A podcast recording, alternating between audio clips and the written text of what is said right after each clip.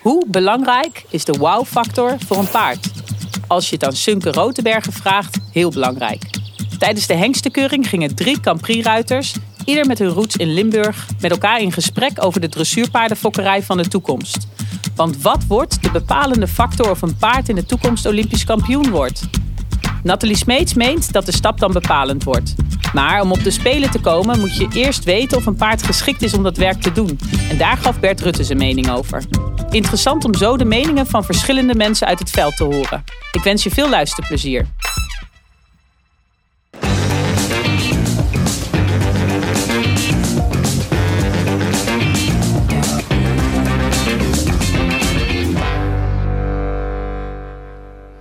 Welkom terug in de KWPN-studio. Ik zit hier aan tafel met drie personen uit Limburg... of die in ieder geval hun roots in Limburg hebben. Bert Rutter is voorzitter van de Hengstkeuringscommissie Dressuur... en jarenlang runde hij een hunsel, dressuurstal... waar hij vele paarden opleidde tot hoogste niveau. En dan Sunke Rotenberger, die op 21-jarige leeftijd teamgoud won... op de Olympische Spelen in Rio met zijn KWPN Cosmo... en dit seizoen aspirantlid is van de Hengstkeuringscommissie. En de derde Grand Prix-ruiter hier aan tafel is Nathalie die zich voornamelijk bezighoudt tegenwoordig met haar stal in het midden van het land, waar zij elk jaar vele veulens fokt. Ja, welkom alle drie. We zitten hier natuurlijk op de hengstenkeuring. Dus ik ben wel heel erg nieuwsgierig uh, um, ja, waar jullie naar kijken als je nou een jong paard beoordeelt. Wat is dan de allerbelangrijkste eigenschap waar je het meeste waarde aan hecht? Mag ik met jou beginnen, Nathalie? Uh, gedragenheid en schakelvermogen. Dat is echt wel heel belangrijk. En ook bergop tendens. Dan spreek ik over een ongereden paard. Maar daarna is natuurlijk de rijbaarheid essentieel. Zonder rijbaarheid ben je nergens. Bert, het functioneel bewegen, ik denk dat dat het allerbelangrijkste is. Eh, de een die komt wat hoger dan de ander, eh, maar je moet vooral kijken naar de functionaliteit van de beweging. Eh, kan hij zich dragen, zoals Nathalie zegt? Heeft hij zelfhouding? Dat zijn de belangrijkste criteria in de kooi waar we op selecteren. En de rest dat zal moeten gebeuren in Ermelo in het verrichtingsonderzoek. Ja, en Sunke, waar hecht jij meest waarde aan? Ja, voor een dressuurpaard zeker de rijbaarheid. Maar op een jong paard kun je daar moeilijk op selecteren als je nog niet erop gezeten hebt. En daarom moet ik zeggen, voor mij persoonlijk is het die wow-factor. En dat kan ook zijn dat die in, in drie basisgangen echt overtuigt, gemiddeld overtuigt. Maar echt die wow-factor bij, bij zo'n ongereden paard vind ik toch belangrijk. Nou Bert, jullie hebben vandaag als eh, commissie 20 eh, hengsten kunnen aanwijzen voor het verrichtsonderzoek. Ja. Kan je iets vertellen over eh, jouw indruk van de kwaliteit van die 20 hengsten? Nou, ik denk dat we heel goed hebben kunnen selecteren, ook de lijn goed hebben kunnen vasthouden. Uh, dat we hengsten hebben kunnen selecteren die aan onze criteria voldoen. Uh, en ook fijn om hengsten te kunnen selecteren van ja, onze paradepaardjes Hermes en Glamourdale natuurlijk. En om die hengsten straks in Ermelo uit te testen. Ja, kijk je naar uit? Ja, ja, ik kan me voorstellen met zoveel Kijk, kwaliteit. En dat is niet alleen bij die twee, maar je ziet toch steeds meer in het pedigree... dat er toch steeds meer vaders komen uh, die zelf op Grand Prix niveau hebben gepresteerd. Natuurlijk zou je dat ook nog graag in de Merry-lijn willen zien. Uh, dat de Merries op, op dat niveau hebben gepresteerd, of, of nakomelingen. En die nakomelingen en die Merry-lijnen, die, die zijn er al. Ik denk dat dat een heel goed teken is. Ja, Sunke, jij bent een nieuw gezicht. Uh, we zeiden het al, aspirantlid van de Hengstkeuringscommissie. Hoe bevalt het uh, tot nu toe? Ja, het bevalt heel goed. En ja, het is natuurlijk een eenmalige kans om van, van zulke vakmannen dan te leren en te luisteren naar hun beoordeling van een paard. En misschien dat een of ander paard wat je zelf dan niet op het lijstje had. waar je dan nu op de laatste ronde vooral hem terugziet. En dan echt denkt, ja, dat hebben hun toch goed gezien. Eh, dus dat vind ik wel eh, ja, heel spannend en heel leerzaam. Ja, ik kan me voorstellen dat het inderdaad heel leerzaam is. Eh, kan je iets benoemen wat je echt specifiek geleerd hebt van deze mannen, deze periode? Ja, um, qua fundament moet ik eerlijk zeggen, uh, daar heb ik heel veel geleerd. Uh, vooral in Ermelo, ook met het, uh, vooral met het spronggewricht, waar het belangrijk is om op te letten. en, en dan natuurlijk hoe, een, hoe een paard in elkaar zit. Dus je, je kon wel op, een, op het straat kon je al zien qua fundament welke paarden um, waarschijnlijk een goede aanleg hebben als dressuurpaard. En dat zag je dan in de kooi dan ook weer terug. En dat, dat was daarvoor nog niet echt 100% duidelijk voor mij. En ook het functionele exterieur dan waarschijnlijk waar Bert het over heeft. Ja, precies. Ja. Nou kennen we jou voornamelijk als ruiter. Eh, waar komt de interesse voor de fokkerij vandaan? Nou, als je ruiter bent, dan um, heb, leer je snel welke, uh, welke afstammelingen het toch goed doen onder het zadel en welke afstammelingen verbeteren onder het zadel. Dus dan ehm, ja, focus je je ook meer en meer op de fokkerij. Maar oorspronkelijk komt het eigenlijk via mijn opa, um, Adrie Gordijn. Daar ben ik als jong kind ook altijd mee geweest. Ook naar Hunsel bij zijn op opfokbedrijf. Hebben we altijd die jonge paarden bekeken. En op vele selecties voor veulenveilingen en hengstenkeuringen. En daar heb ik toch, vind ik, voor mij heel veel van geleerd. En wat is de belangrijkste les die je van je opa hebt geleerd? Oh, dat, dat, zijn er zoveel. Dat, dat kan ik niet, die kan ik niet allemaal optellen. Maar gewoon ja, ook veel front. Dat de paarden gewoon front moeten hebben. Dat het makkelijker is om een uh, paard als die een beetje hoog ingesteld is, om het makkelijker om een beetje ronde in te stellen dan een paard die vrij ja, zeg maar op de kop loopt, om die dan bovenin te rijden. Toch, zelf had hij geen ervaring in de zadel, maar hij was heel, um, hij keek er heel functioneel naar en hij, hij heeft alles eh, bijgehouden in zijn boekjes. En die heb ik nog oh steeds thuis. Daar kun je toch zien of hij het goed had of niet goed had uh, op zo'n selectie als jong paard. Ja. Oh, geweldig. Doe je dat wel eens? Haal je de boekjes er nog wel eens bij? Niet vaak, maar soms kijk ik wel terug of uh, als een paard het dan goed doet in de sport... om te zien hoe hij het uh, als jong paard beoordeeld had, hij zelf. Ja. Oh, dat is wel een, een schat om te hebben, lijkt me zo. Ja, voor mij wel, ja. Ja, ik kan me voorstellen. Nou, Bert, jij kent uh, de familie Roodberg natuurlijk ook al langer. En uh, sterker nog, uh, Cosmo, waarmee jij goud hebt gewonnen, kocht jij als veulen. Jij hebt hem opgeleid. Hoe is het om nu samen met Sunk in de baan te staan? Nou, ze kochten hem ja als vijfjarige. Dus hij was voor een stuk opgeleid. Maar dat laatste stuk, ere wie ere toekomt... naar, die, naar die medailles toe, dat heeft toch wel degelijk Sunke gedaan. Ja. En dan om nou met hem samen in de baan te staan... dat is natuurlijk mooi. Hij met toch zo jong met al zoveel ervaring, zoveel kennis. En vooral zijn enthousiasme en zijn kennis over de bloedlijnen. Dat is, uh, heel apart. Ja. Ja, en inderdaad, je vertelde al iets over je fokkerijachtergrond. Uh, de afgelopen jaren heb je ook uh, gekocht. En uit je eerste jaargang had je met de kampioen in Oldenburg, Oldenburg natuurlijk wel meteen een klapper. Um, hoe is het bij jou zo ontstaan om toch zelf veuletjes aan te kopen? Om, om eerlijk te zijn was dat uh, zelfs de derde jaargang. Dus ik had wel veel uh, moeten leren, ook ja? van, de, van de veulen inkoop de jaren van tevoren. Maar um, ja, het is gewoon zo dat, dat de bedoeling is als ik veulens koop, dat uiteindelijk een aantal veulens dan als paden doorstromen naar de topsport dan voor mij, zeg maar. En um, met, met zo'n kampioenshengst, daar gaat het zeker vooruit. En dan kun je dan ook nog uh, nog nieuwe veulens dan dit jaar dan ook inkopen. En hopen dat daar uh, ja, eigenlijk de bedoeling dat er één van die veulens dan ooit een Cosmo 2.0 wordt. Maar dat, dat zou uh, mooi zijn. dat, en dat hoe is herken, droom. Ja. Hoe herken je de Cosmo 2.0 als veulen? Want dat is natuurlijk wel de oh, uitdaging. Ja, ik, ik, weet nog niet. Ik heb Cosmo helaas zelf nooit als veulen gezien. Dus dat moet je Bert vragen. Maar um, ja, als ik een, naar veulen zoek, dan zoek ik ook naar die wow-factor. En vooral dat ze veel front hebben.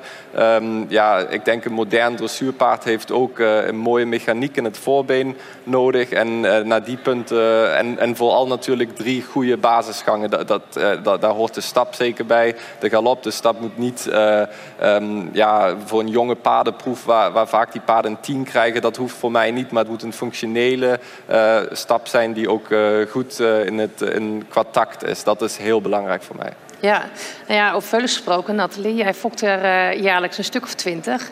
Met welk doel? Uh, het doel is eigenlijk heel eenvoudig om kwaliteitsvolle dressuurpaarden te verkrijgen. Met een heel fijn karakter en temperament, omdat ik die kan trainen en verder kan opleiden. En daarna weer kan verkopen, omdat die goed in de markt staan. Ja, want ik begreep dat de 23 fokmerries die je momenteel hebt, die heb je alle drie zelf gereden. Dus die ken je door en ja. door. Ik ken ze allemaal heel erg goed. Ja. En het komt eigenlijk in het uh, verleden, na mijn tijd van uh, bij Kobi. Toen uh, reed ik paarden voor anderen en ik gaf veel les. En met mijn verdiende geld ben ik gewoon eigen paarden gaan kopen. Gezonde paarden, maar vaak paarden met een rijtechnisch probleem. Dat reed ik weer goed, kocht weer meer paarden. En zo werd mijn aandeel eigen paarden steeds meer, steeds groter. Maar ik wilde gewoon meer kwaliteit zien te komen. Met een beperkt budget is dat niet zo makkelijk. Dus nee. ik ging onbeleerde paarden kopen. Ik ging daarna veulens kopen. Maar het bleef eigenlijk zo dat ik de meest getalenteerde eigenlijk gewoon niet kon kopen, omdat ik daar gewoon te weinig budget voor had. Ja. Daarom uh, heb ik de fokkerij opgezet. Ik dacht, de enige manier om daar echt aan te komen is ze zelf te gaan fokken. En ik ben merrieveulens gaan kopen uit een, uh, ja, een excellente sportstam. Ik was de, de Cindy van Wittesteinlijn uh, kwam ik tegen bij Kobi van Baarle en Marian Dorrestein. En, uh, het heeft een ongekend aantal uh, Grand Prix paarden opgeleverd. En ook heel erg veel andere sportpaarden. Dat is echt enorm. En uh, ja, die aanleg, dat voel, die voel je als je rijdt. En de instelling om het te willen doen. En ze had ook heel veel uitstraling in een mooi model. En ik droomde destijds al met een, van een stal vol zulke paarden. Is gelukt? Ja, het is echt gelukt. Het is een droom die uitgekomen is. Ik geniet er elke dag van. Ja, oh, heerlijk. Echt en, maar wel uh, 23 paarden kosten ook heel veel geld. Dus er moet af en toe ook wat verkocht worden, lijkt me. Ze moeten ook allemaal verkocht worden. Je moet ja. goed opletten. Het optimale verkoopmoment kiezen voor elk paard. Zorgen dat ik ze echt heel goed train, uh, goed presenteer. En uh, ook niet langer aanhouden dan nodig is. Uh, je moet een keer ook op tijd verkopen. Maar maak je al een schifting als veulen? Verkoop je de veel veulen? Nee, of, ik hou ze eigenlijk voornamelijk aan. Uh, tot volwassen paard. Af en toe verkoop ik een veulen. Als de prijs er heel goed bij is, dan, ja, dan is het verstandig om gewoon ook te verkopen. Het is ook een risico om aan te houden. Ja. Maar de meeste veulens hou ik eigenlijk aan. En dan als volwassen paard ga ik ze trainen. Een deel verkoop ik al goed gelongeerd bijvoorbeeld ook via de KWPM-veilingen heb ik het een aantal keer, keer gedaan. En dat ging uitstekend. Ja. Goed zo. En een, uh, een deel rij ik aan. Het is maar net hoe het uit hoe komt, komt met boxbezetting. Ik heb beperkt aantal plaatsen, dus ik moet kijken wat past qua tijd en qua boxbezetting. En zo kies ik eigenlijk voor elk paard de, de beste weg en het beste moment. Maar het, trainen en het verder opleiden, dat is wel een belangrijk ker kernpunt. En daar fok ik ze voor.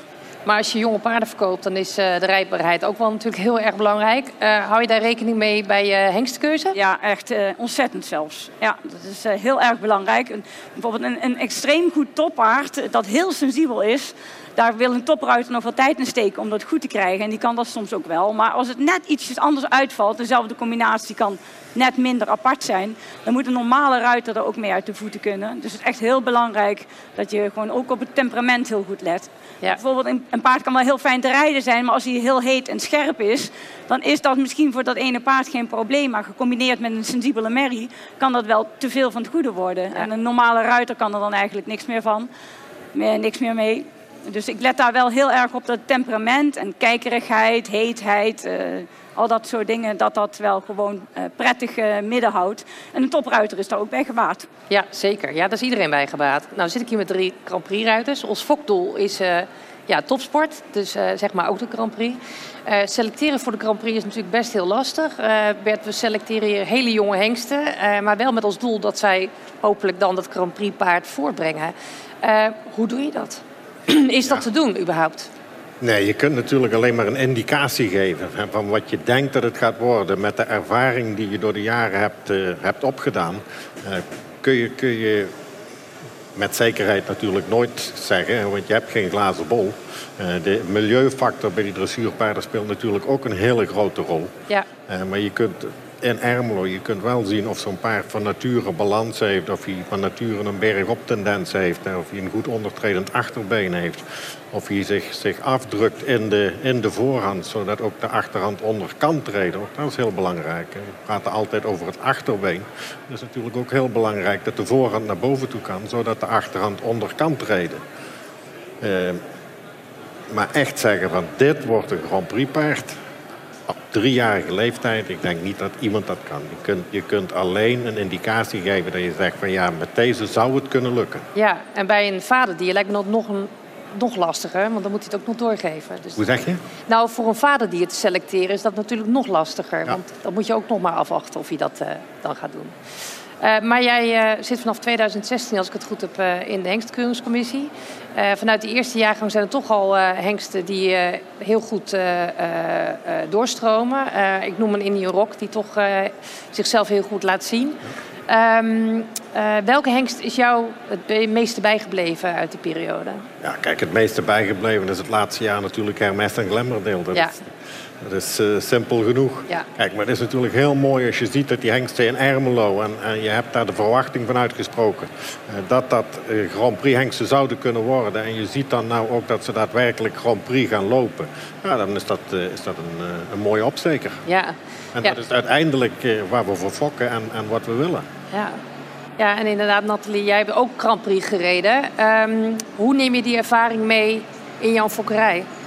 Ja, die neem ik sterk mee. Want als je Grand Prix wil rijden, dan heb je ook wel echt die aanleg nodig. Uh, anders is er toch echt een probleem. Niet elk paard heeft de aanleg om dat ook te gaan lopen. Ja. En een ander heel belangrijk aspect is dat een paard dat heel veel Grand Prix aanleg heeft, zal ook in de stadia daarvoor uh, veel makkelijker de oefeningen leren. En het werk eigenlijk met veel meer gemak doen.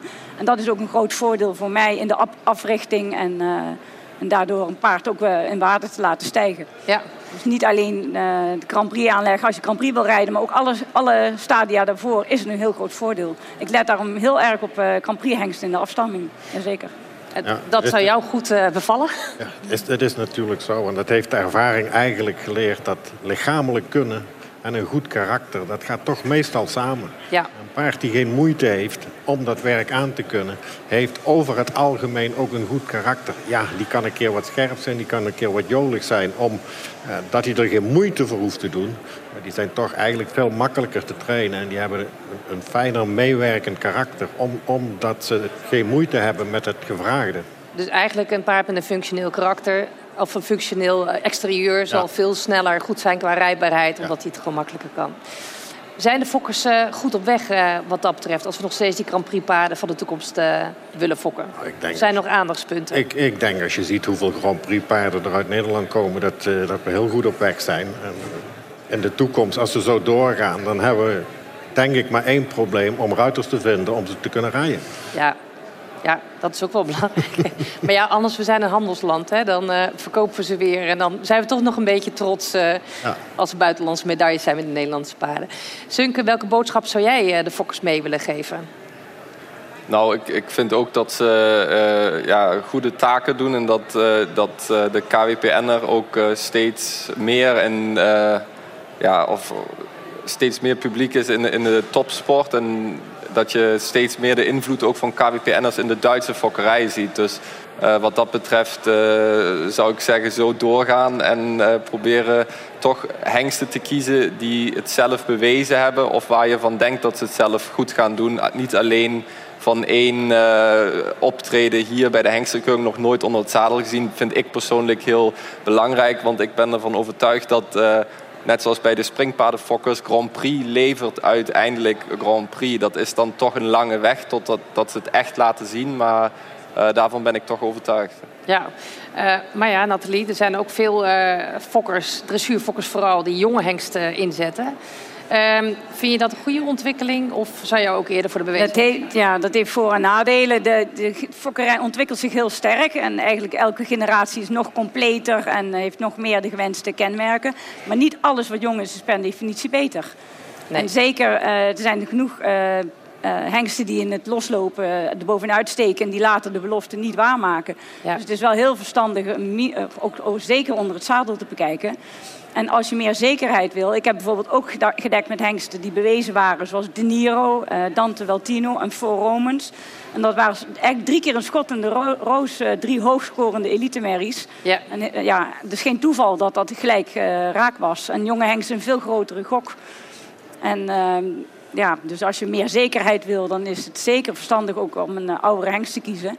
En bij jonge hengsten uh, is het natuurlijk verleidelijk omdat de vooruitgang groot is. Maar onder het zadel bekijken is heel belangrijk. Ik zie Ja. relatief weinig fokkers bij het verrichtingsonderzoek. Hier wel, maar daar niet. Bert, wat Niemand. vind jij ervan? Ja, nou, Moeten we fokkers meer eh, enthousiasmeren om toch bij het verrichtsonderzoek te komen kijken? Ja, ik denk dat er al heel veel fokkers ook via de livestream eh, het verrichtingsonderzoek eh, volgen. De dieren in levende lijven zien is natuurlijk eh, altijd mooier en beter. En het zorgt ook voor sfeer in, eh, in Ja. Ermelo. Dus wat dat betreft, eh, hoe meer, hoe liever Ja, natuurlijk. ja, dat zeker. We vinden het altijd gezellig als de tribunes gewoon vol zitten in Ermelo. Uh, nou ja, we behoren ook wel een beetje, toch misschien uh, veel voorkeur voor bewezen hengsten. Uh, maar we zeiden ook al van, ja, het gaat sneller de vooruitgang als je jonge hengsten gebruikt.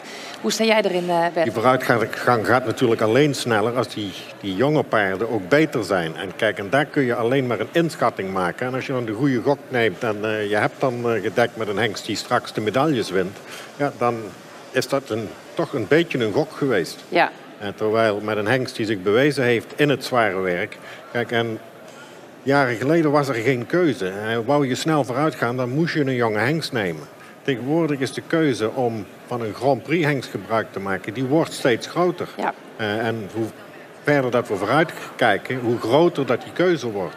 Dus ik denk dat in de toekomst, net als in, in de springsport, uh, dat fokkers toch meer, steeds meer zullen gaan kiezen voor die bewezen hengsten die het zelf hebben waargemaakt in de ring. Ja, en een jonge hengst die moet natuurlijk ook ergens wel kansen krijgen, oh, maar dan vooral een bewezen moederlijn. Nou ja, maar goed, die krijgt dan ook mooi de tijd om zich in de klaar te maken voor, voor die sport. Ja, en dan kan dus hij mooi reclame maken als hij het, in de ring als hij het goed doet. Ja, ja.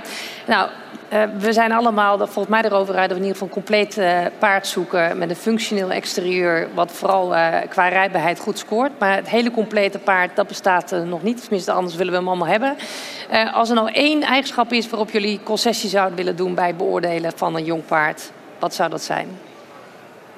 Dat vind ik erg moeilijk te zeggen. Ik denk op dit moment, als je een paard hebt met een hele takzuivere stap, uh, die voldoende ontspant, maar niet de laatste aan ruimte, dat je nog steeds Olympisch kampioen kan worden. Maar dat zal in de toekomst op een gegeven moment niet meer zo zijn, omdat de fokkerij zich heel sterk ontwikkelt. En Bert? Op de kleur.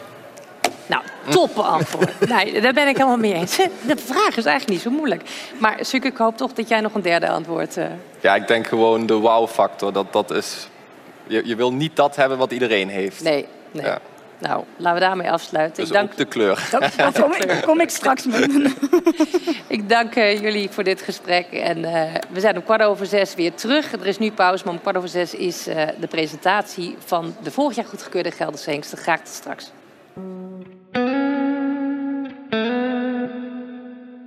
Tot slot van deze podcast heb ik nog een mediatip. Op KWPN TV is een kerstverse video te bekijken met Femke de Laat, die vorig jaar de Pavo Cup voor vier jaar gewon met Nashville. In deze video laat zij met diverse jonge dressuurbeloftes stap voor stap zien hoe het jonge dressuurpaard optimaal voor te bereiden voor de jonge paardencompetitie.